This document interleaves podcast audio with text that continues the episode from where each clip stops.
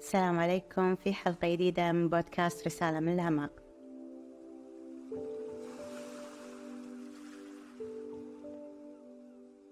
اليوم راح نكمل الجزء الثاني من موضوع حلقتنا السابقة اللي هو دفء القلب الجزئية الثانية من كتاب النور سوف يحررك عبارة عن تساؤلات تكررها العقول المتأملة شنو نبي من هالحياة؟ ليش إحنا عايشين؟ هالتساؤل راح يتكرر على ذهنك بشكل وايد وراح يجيلك بين الحين والحين إلى أن تعرف إجابته راح يصف فيك بشكل مفاجئ وتقول ليش إحنا عايشين؟ على الرغم من كل اللي إحنا مرينا فيه من مشاكل ومن صعوبات وحروب وكوارث ليش عايشين؟ وبقدرة الله طلعنا منها بكل سهولة. استوقفتني هذه التساؤلات وتذكرت قول الله تعالى في كتابه الكريم في عدة آيات. بسم الله الرحمن الرحيم. أفلا يتفكرون؟ أفلا ينظرون؟ أفلا يعلمون؟ الله سبحانه وتعالى حثنا على التفكر والتأمل والعلم. هذا شيء مهم عشان نعرف إحنا ليش عايشين. لهالسبب بحثت عن كتب عن هالموضوع وجذبني منهم كتاب أسباب للبقاء حيا للمؤلف مات هيك. وهالكتاب سبق وأن سمعت عنه معلومات جميلة جدا. أكثر شيء عجبني موضوع الكتاب إن الكاتب يتكلم عن نفسه بصيغة الفعل الماضي وهو بالواقع يشير حق نفسه القديمة اللي كانت مكتابة أصلا وكان يبي ينهي حياته للأسف.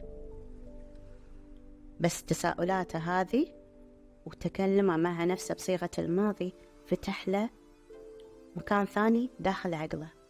عشان يبدي حياة جديدة خالية من شعور الاكتئاب والحزن.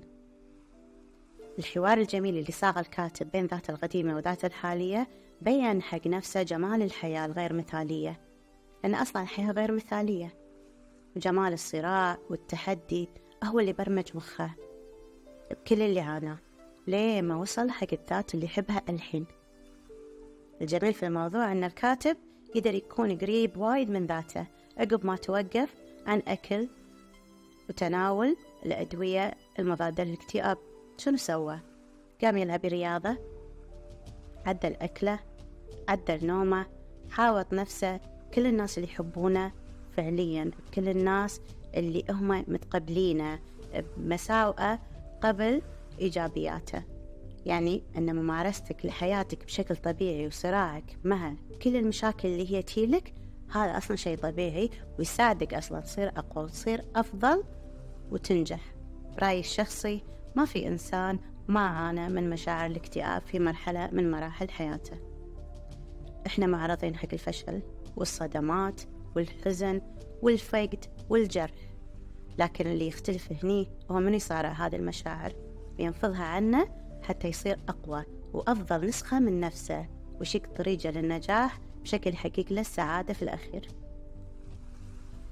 رسالتنا هذا اليوم أن الاكتئاب أصلا مو عيب ولا شيء تخجل منه. الاكتئاب هو شعور راح يوصل حق كل الناس في مرحلة من مراحل حياتهم. بس أهم شيء أنك أنت تقاومه بطريقة سليمة. تكلم مع الناس اللي قراب منك شوف حوالينك من الناس اللي تقدر أنت تساعدهم ويساعدونك. تشكي لهم ويشكون لك. تمد لك إيدهم وهم راح يمدون لك الإيد. هذول الناس اللي حاوط نفسك فيهم. لما أقول يسمعونك ما يسمعونك بذونهم لازم يسمعونك بقلبهم. لأن اللي يسمعك بذونك وخر النص. الأشخاص اللي راح تلجئهم لما تعصف فيك الحياة لازم تنتقيهم بشكل أكثر دقة ومنظار بعد. لأن هذا هو الشيء الوحيد اللي راح تقدر أنك أنت تتغلب فيه بالاكتئاب. ننتقل حق السبب الثاني من أسباب البقاء على قيد الحياة أو حب الحياة وتقبلها وهو الاكتشاف والبحث والغوص في المعلومات والتنقل من علم إلى آخر ومن تجربة إلى أخرى. واللي أنا أعتبره شيء مهم جدا وجميل. كني ماسكة ريشة تتغير ألوانها حسب مزاجي وسعادتي وأرسم فيها كل شيء يحبه عقلي ويحبه قلبي. أنا اللي أكون حياتي أنا اللي أكون نجاحاتي. اخذوا هذه الفرشة شوف شنو تسوون فيها. خل عينك برواز تحط فيه كل اللي أنت تبيه من الجمال في الكون. ارسم لوحتك المتفردة اللي تعبر عن روحك الجميلة. خلوا الفضول يتغلغل داخل روحكم يحرك فيكم الشغف. تحدوا نفسكم قبل لا تتحدون غيركم. ترى طريق النجاح صدق صعب بس مو مستحيل. انطلق ترى الحياة حلوة.